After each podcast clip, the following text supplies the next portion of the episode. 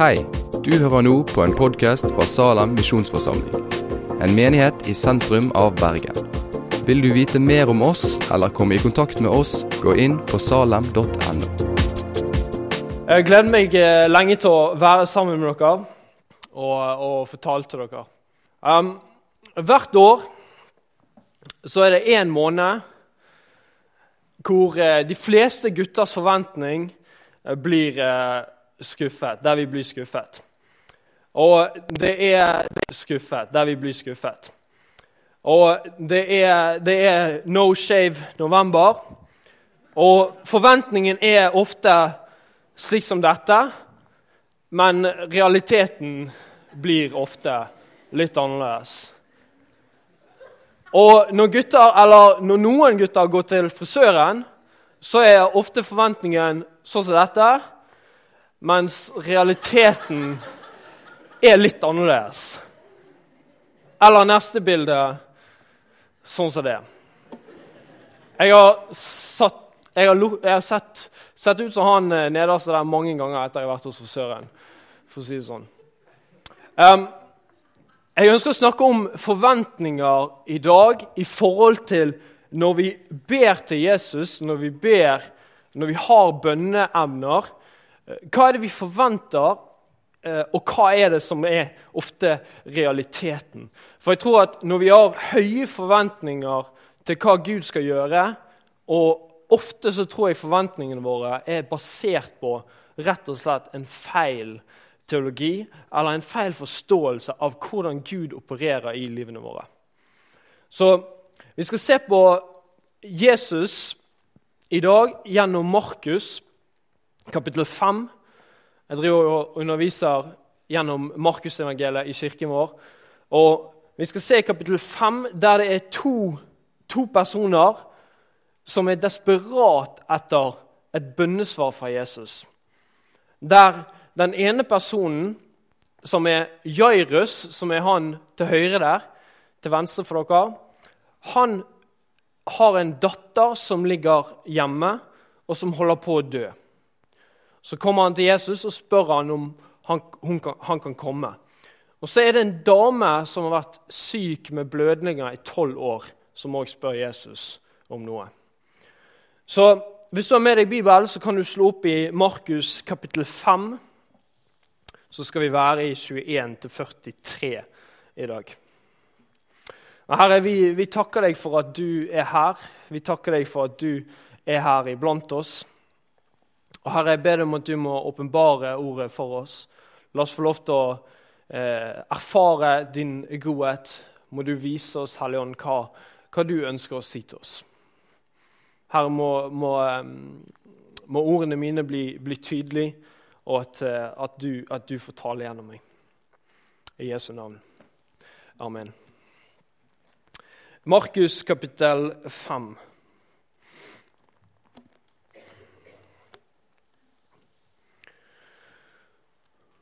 Vers 21 til 24. Da kan du ta neste, så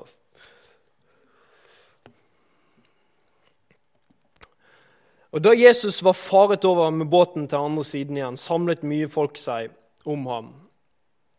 Han var ved sjøen. Og En av synagogeforstanderne ved navn Jairus kommer dit. Da, får han se Jesus. da han får se Jesus, kaster han seg ned for hans føtter. Han ber ham inntrengende og sier, 'Min datter ligger på det siste. Kom og legg hendene på henne, for at hun skal bli helbredet og leve.' Han gikk da med ham og en stor folkemengde fulgte med ham, og de trengte seg om ham. Ok, Så Jesus han er nede ved sjøen. Og Så kommer det en synagogeforstander til han og, og, og sier at datteren min er hjemme, og hun holder på å dø. Hun ligger for døden. Kan du komme, kan du komme og be for ham? Kan du komme med ditt mirakel? Kan du komme og hjelpe? Og Synagogeforstander på denne tid, eller i vårt språk så ville dette vært en pastor eller en prest. Sant? Synagogeforstander det er den som var på en måte lederen i den lokale synagogen, som, som ville vært eh, kirke i vår, i vår tid. Å, ja. Så dette er en jødisk leder for tempelet. Og Han kommer liksom til Jesus og sier at ok, Jesus, jeg trenger hjelp av deg. Vi vet ikke nødvendigvis om han trodde at Jesus var Messias. Vi vet ikke nødvendigvis om han trodde disse tingene. Så det at han spør om dette, kunne kostet han jobben hans. Det kunne kostet han at du får ikke lov til å være leder for denne synagogen lenger. Men når du er desperat etter Jesus og hans inngripen i livet ditt, så gjør du hva som helst for å få eh, han til å komme. Så det som skjer, det er at Jesus avslutter den undervisningen han holdt på med. Og så eh, går han sammen med Jairus og disiplene, og de er på vei mot huset, der denne datteren ligger for døden. Um, og du kan jo tenke deg, Vi skal sette oss litt inn i disse to karakterene som er i denne historien. Du kan tenke deg Jairus. Nå er ikke jeg pappa ennå, men hvis jeg hadde hatt en datter som lå hjemme og holdt på å dø, så hadde jeg vært ganske stresset på å få Jesus så fort som overhodet mulig med meg eh, hjem til huset mitt. Så jeg kan tenke meg at Jairus på en måte prøver å ok, gi, gi slutt på denne undervisningen nå og la, la oss gå. Eh, nå, må, nå, må, vi kjappe oss. Sant? Så på en måte disiplene ok, la oss, la oss Peter, kom an, du må få han av mesteren din til, til, å gå litt fortere. Um, datteren min holder på å dø her borte. Så, så Jairus han er nok sikkert superstresset.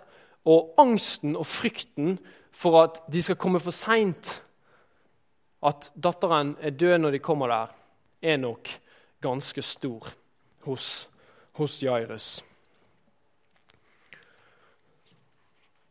Og Vers 24 forteller oss at det er stor folkemengde som følger etter dem, som helt sikkert hadde lyst til å se et mirakel og et under. Og så kommer det som absolutt ikke skulle skje i Jairus sitt hode. Da leser vi i vers 25. Der var også en kvinne som hadde hatt blødninger i tolv år. Hun hadde litt meget under mange leger. Alt det hun eide, hadde hun brukt uten å bli hjulpet. Det var heller blitt verre med henne. Det var en kvinne som hadde hatt blødninger i tolv år. Og Det står at hun har oppsøkt mange forskjellige leger, men istedenfor å bli frisk, som en lege i utgangspunktet skal hjelpe deg med, så hadde hun heller blitt verre.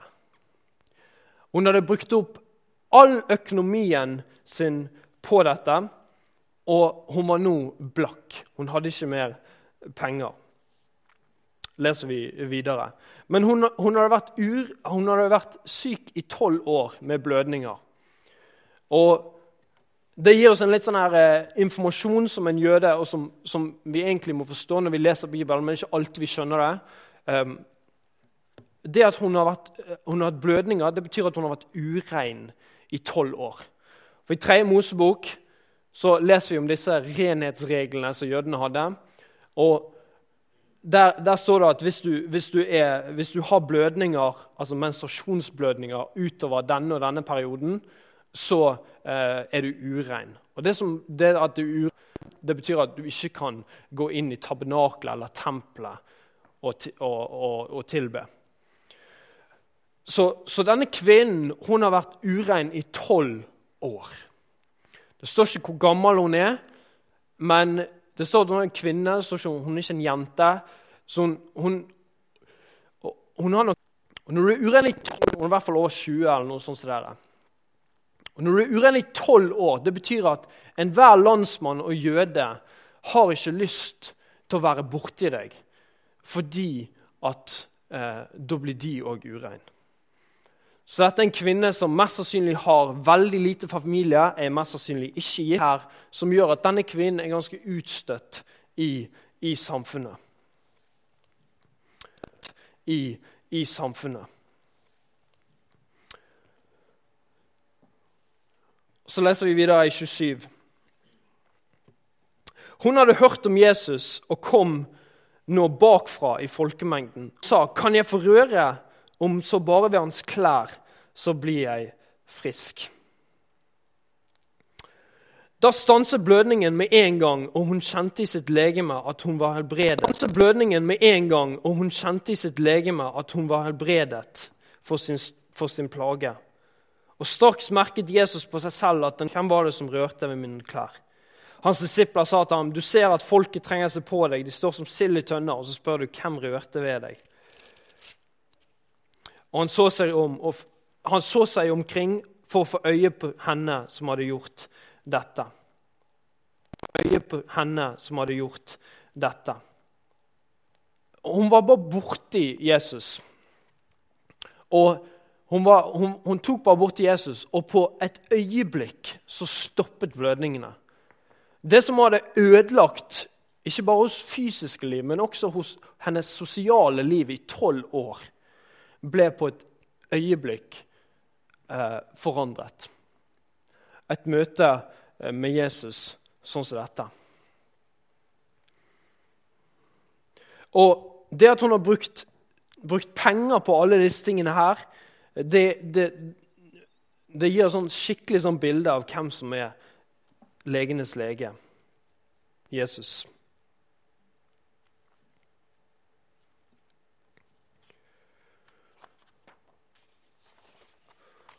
Så leser vi videre i 32 og 34.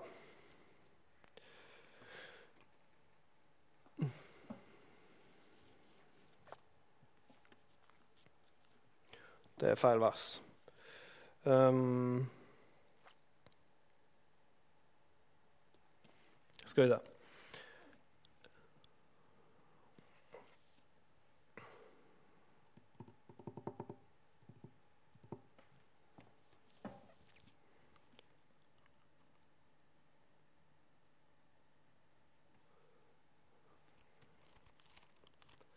Dere er enormt stille. Helt vanvittig hvor stille dere er. Jeg tror jeg aldri har talt for en forsamling som er så stille som dere. Um, skal vi se Mens han har talt Ja. 35 til 34. Det var der vi er.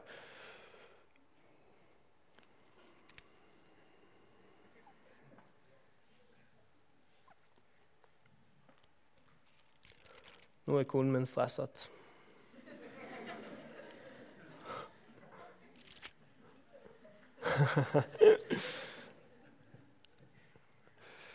um, er det mulig, da? Jeg lurer på om jeg har faktisk Ja, ja.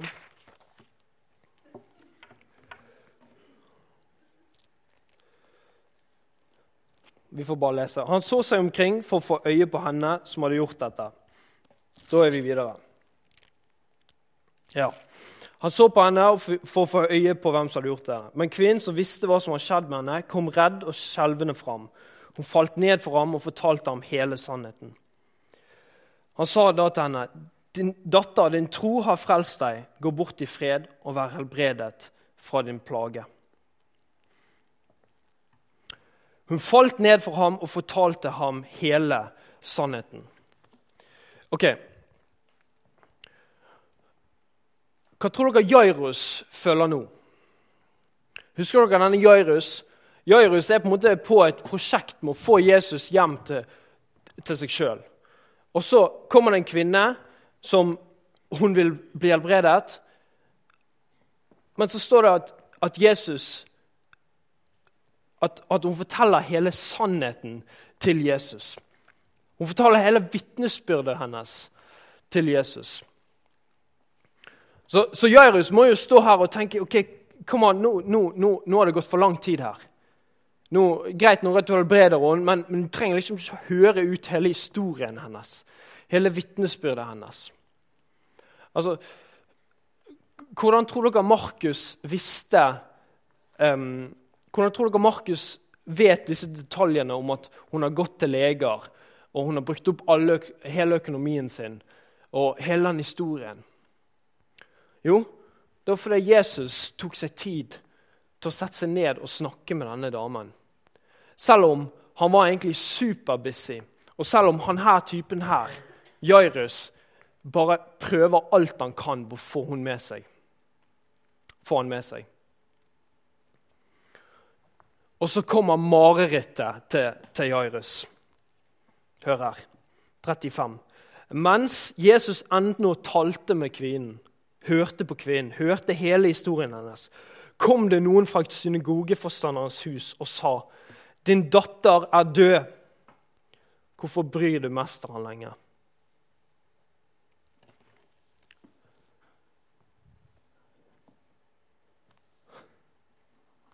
Men Jesus hørte det som ble sagt, og sa til synagogeforstander, 'Frykt ikke, bare tro'. Hva tror dere Jairus føler nå? Tror dere han er sur på damen? Tror dere han er sur på Jesus? Altså, Jairus skulle ha med seg Jesus så fort som overhodet mulig hjem til huset sitt. Men så sitter Jesus seg ned og hører historien til en dame som i utgangspunktet Hun er blitt helbredet, men tre, det, er ikke, det, er ikke, nødvendig å høre ut hele historien hennes når det er en akutt sykdom rett her borte.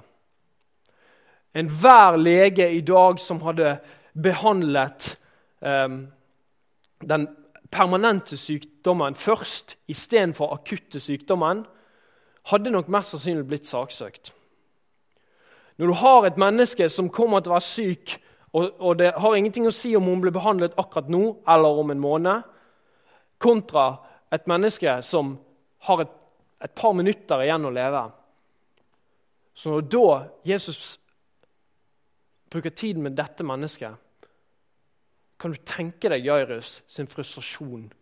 Og når han ser hun, Jesus sitte seg ned med den kvinnen, og så kommer kommer marerittet. Det kommer noen budbærere fra huset og sier 'Jairus, da kom for seint.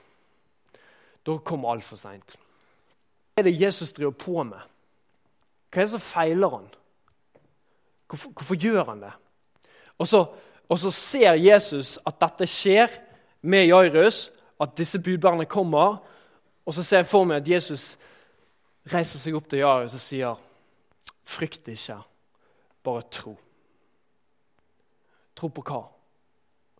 Det er jo, det er jo for seint. Hva skal vi tro på nå?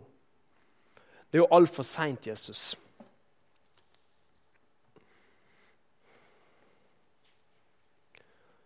Mens Jesus han viser oss viktigheten av å se ett menneske. Av å lytte ut én historie og ett vitnesbyrd. Det er noe kraftfullt med å, å lytte til mennesker. Og bare spørre dem om livet deres. Det er noe vanvittig kraftfullt. Jeg tror nok det var veldig, veldig, veldig få mennesker som hadde lyttet til denne kvinnen. At hun kunne fortelle frustrasjonen sin over legene som ikke hadde fått til som hadde gjort henne verre. Mens Jesus møtte denne kvinnen På tross av at han var superbusy. Og Vi snakker ikke jobb-busy eller at han hadde mye på kalenderen. Nei, vi snakker om at han var på vei til å helbrede en, en, en jente som lå for døden. Jeg tror det må tale litt til oss i forhold til våre prioriteringer med mennesker. Hvem er det vi lytter til? Hvem er det vi bryr oss om? Bryr vi oss om de utstøtte, de fattige? Bryr vi oss om de som er litt utstøtt i, sam i samfunnet? Så går, vi, går de videre, og Jairus er bare OK. Han er død. Hun er død. Og Så sier Jesus, 'Frykt ikke, bare tro'.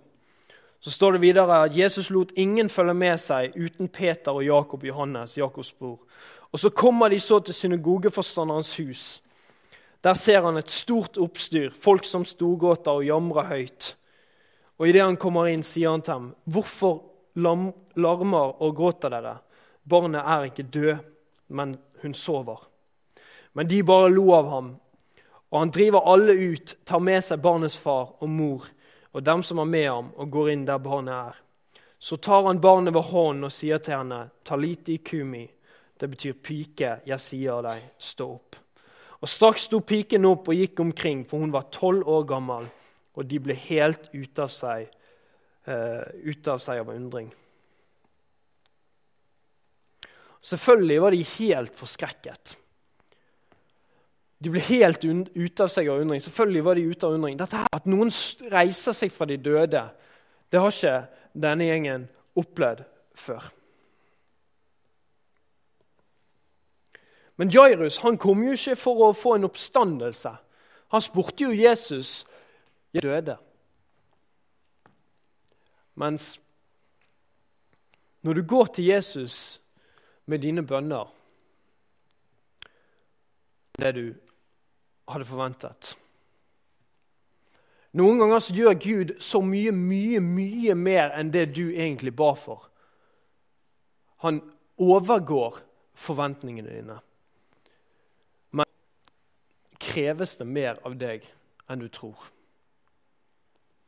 Og med det så tenker jeg, så mener jeg ikke at du skal gjøre noe for at bønner Men, men Jairus han kom for å få en helbredelse.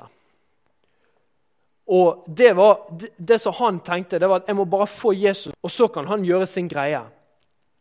Mens det Jairus gikk gjennom, det var at Jesus var sein. Hans timing passet ikke med Jairus' timing. Og i det han får Frykt ikke, bare tro.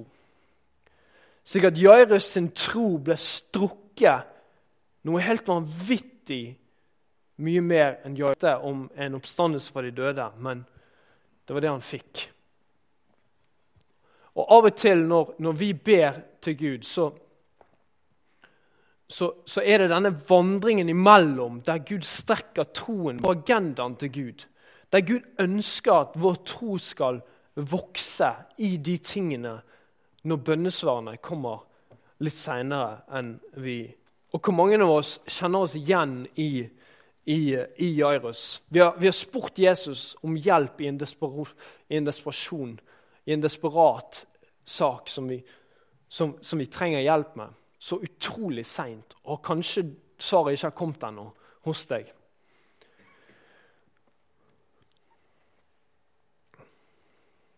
Og til slutt virker det som at det er ikke mer håper at han skal komme med.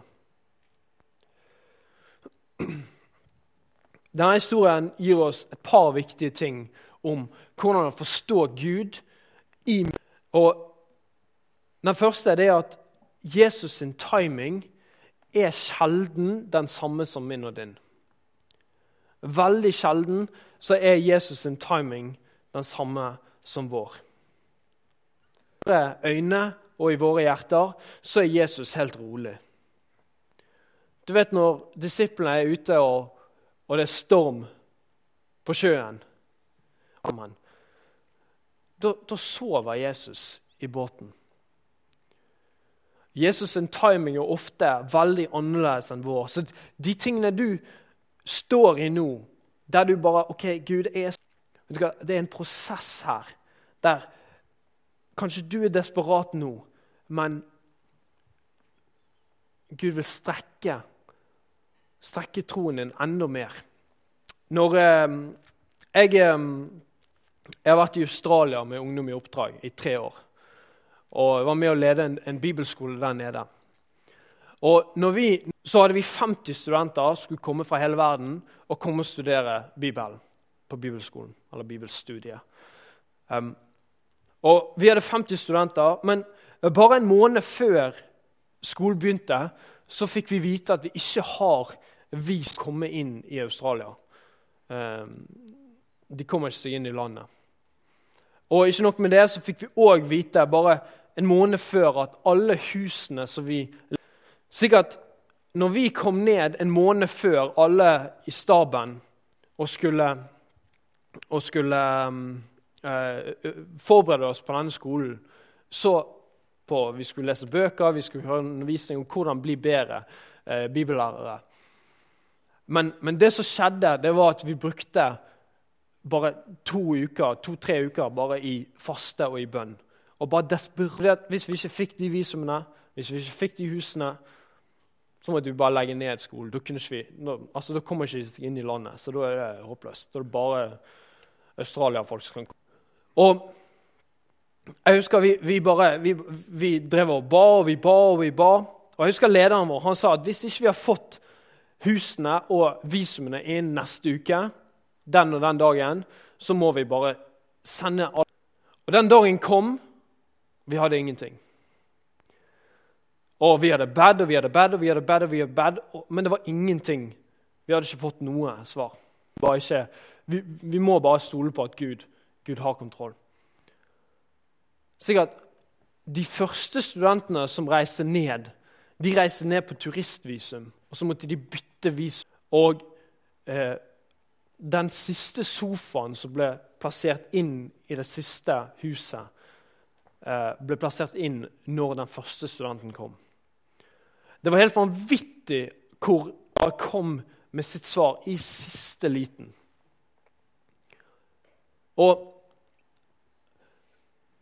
Gud han er, en, han er en far som mens vi venter på han. Du kan se for deg en far som skal lære barnet sitt å svømme. Sant? Så er barnet her, kanskje, sant? og så er bassenget her. Så begynner faren ganske nærmt sant? av armringene, og så, og så OK, da kommer han. Og så går, går faren litt lenger vekk, og så ja, du må, må inn igjen og hente han, sant? for han holder på Og avstanden blir større og større. Og barnet opplever det veldig stressende i begynnelsen, men barnet vet at han kommer til å bli reddet hvis Og til slutt så kan barnet svømme. Denne prosessen her er det Gud har meg og deg i hele tiden. Og det er en prosess han er veldig, veldig opptatt av, og som han, vi går og stoler på han. Og så lenge barnet vet at faren hans kommer til å ta han hvis svømmer lenger, så klarer barnet denne avstanden. Slik at når Peter går på vannet, så er det en ganske stor avstand mellom Peter og Jesus. Inn med en gang og tar han og redder han. Når vi ber og har bønnes, har Gud og ha oss i denne prosessen. Fordi at denne prosessen skaper en tillit til han. Det som skjer med barnet, det er at han skjønner at Gud kom, eller skapes en tillit. For at Gud skal For at Gud skal få meg og deg med sin nåde til å vokse i vår tro, så blander ting. Men i våre bønner så bruker han denne prosessen for å få oss til å vokse. Hvis Gud hadde svart mine bønner sånn som det Det at Gud er sein på å svare mine bønner, det at det er en prosess der der jeg må stole på han, det gjør at min tro vokser på grunn av at min tillit til Gud. Så Jairus han kunne endt opp som denne folkemengden, som bare ville gå og se et mirakel. Som de fleste på Jesus' sin tid. Mens Jesus han var interessert i noe mye, mye, mye mer. Han var interessert i å, å strekke og vokse miraklet skulle komme. Sikkert Det som var det største miraklet, var kanskje Jairus sin tro som vokste i tillit til Jesus. Og så ble jo selvfølgelig datteren reist opp fra de døde. Det er jo fantastisk. Men jeg er mye sterkere enn det han var hvis han hadde bare fått bønnesvar rett der og da. Og er dette Det skjer hele tiden. Slik at jeg, jeg, Når jeg ikke får bønnesvar, så, så ser jeg det nesten som en sånn velsignelse. Fordi at jeg vet at å vokse tilliten min til han. Så når dette barnet som er vant til at pappaen tar han når han slår ned fra klatrestativet, og pappa sier 'jeg tar imot deg', så, har, så er det bygd opp en tillit mellom far og sønn at barnet bare hopper. Og så tar Hvis de tingene du går gjennom nå, som Gud ennå ikke har svart på Tenk hvis de er der fordi at Gud ønsker å skape den tilliten til, til han for framtidig ektefelle. Kanskje du ber om framtidig jobb og utdanning. Kanskje du ber for syke i familien din. Det er mange ting der Gud Og noen ting er uforståelig. Noen ting skjønner jeg ikke. Men, men mange ganger i disse tingene så ønsker Gud, som en far, stole på han enda mer. Og han bruker ofte usvarte bønner. Eller når desperasjonen er stor, så En ting du må huske for alltid. Vi kan ta neste. Timing er ikke alltid som Jesus sin. Og Hvis vi prøver å presse vår timing over på Jesus, så vil vi slite med å føle oss elsket av Jesus.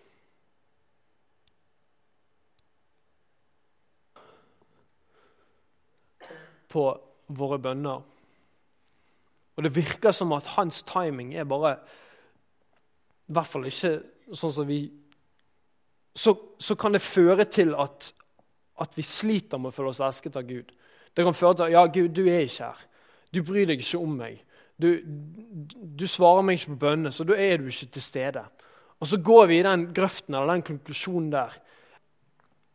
Det at Gud skaper denne avstanden slik at, slik at du kan vokse med Han. Alle her, Hvis det er en bønn dere som er kristne, så er det i hvert fall å få mer tro og vokse med Jesus. Det tror jeg alle sammen ber om støtt og stadig. Og det er det Gud svarer på.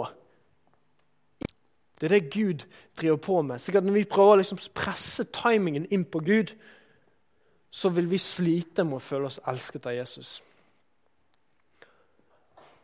Elsket Gud, elsket Jesus Jairus? Jairus. Men han var mer interessert i Jairus sin tro enn å bare gjøre et mirakel. Og av og til du går gjennom istedenfor å bare svare på bønnene dine. Fordi at karakter bygges, din tro bygges, i det du venter på Jesus så elsker Gud deg nå i de tingene han ikke har svart på deg, svart deg ennå. Yes. En person, ja. Har han en annen timing enn deg? Ja. Har han et annet perspektiv? Yes. Hvis du klarer å identifisere og prøve å se hva Gud gjør i livet ditt, den prosessen du er i. Så istedenfor å kjempe mot Guds timing, sånn som denne typen her gjør, slappe av og stole på at Jesus kommer til å være med deg.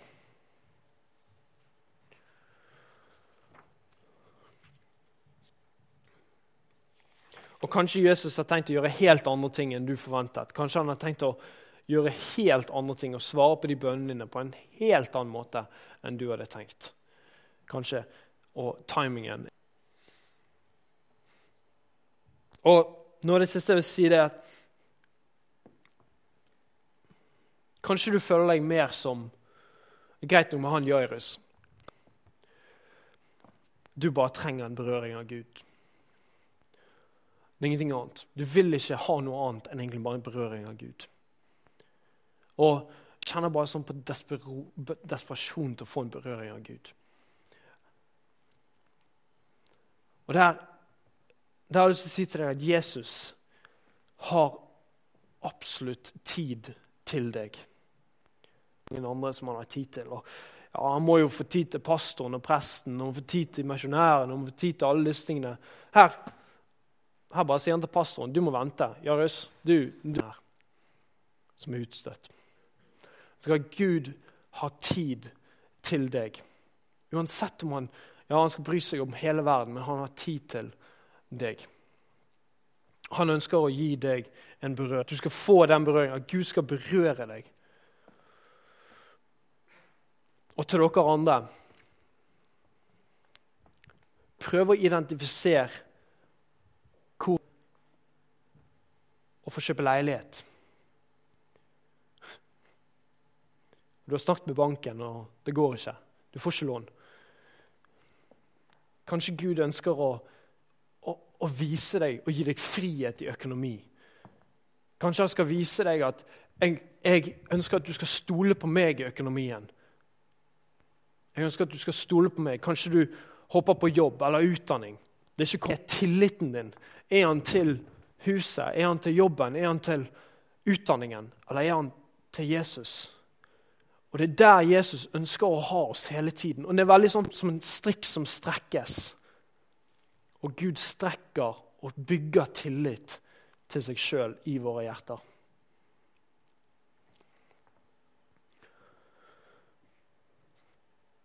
Herre, vi, vi takker deg for at du er her. Vi takker deg for at du, du ønsker å, å, tale til oss. Vi takker deg for at du ønsker at vi skal få komme og berøre hver enkelt som er her. Må du komme med din nåde, må du komme med, med, med din sannhet inn i livene våre. Må vi få se at i din hånd slik at alle bekymringer, alle bønneemner, alle som ofte blir det samme um, i våre liv, at, at, at, vi kan få se at du, du har kontroll, Jesus.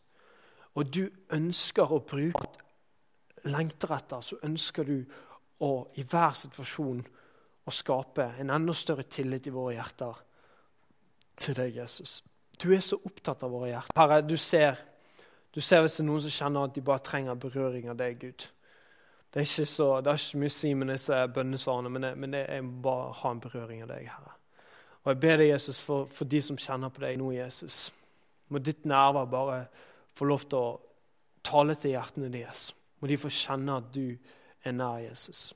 Herre, tal til oss og, og vis oss, oppmuntre oss med å, med gi oss klarhet i de tingene vi står i og vokse med deg, Jesus. Vi ønsker, å, vi ønsker å, å, vokse i vår tro, få en mer stabil tro. Vi ønsker å, å, kunne ha en modig tro. Og Herre, du vet vi har bedt om det lenge.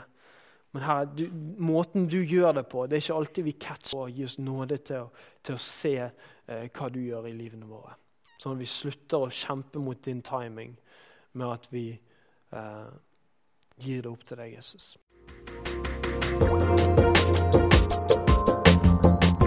Takk for at du har hørt på podkasten fra Salem, Bergen.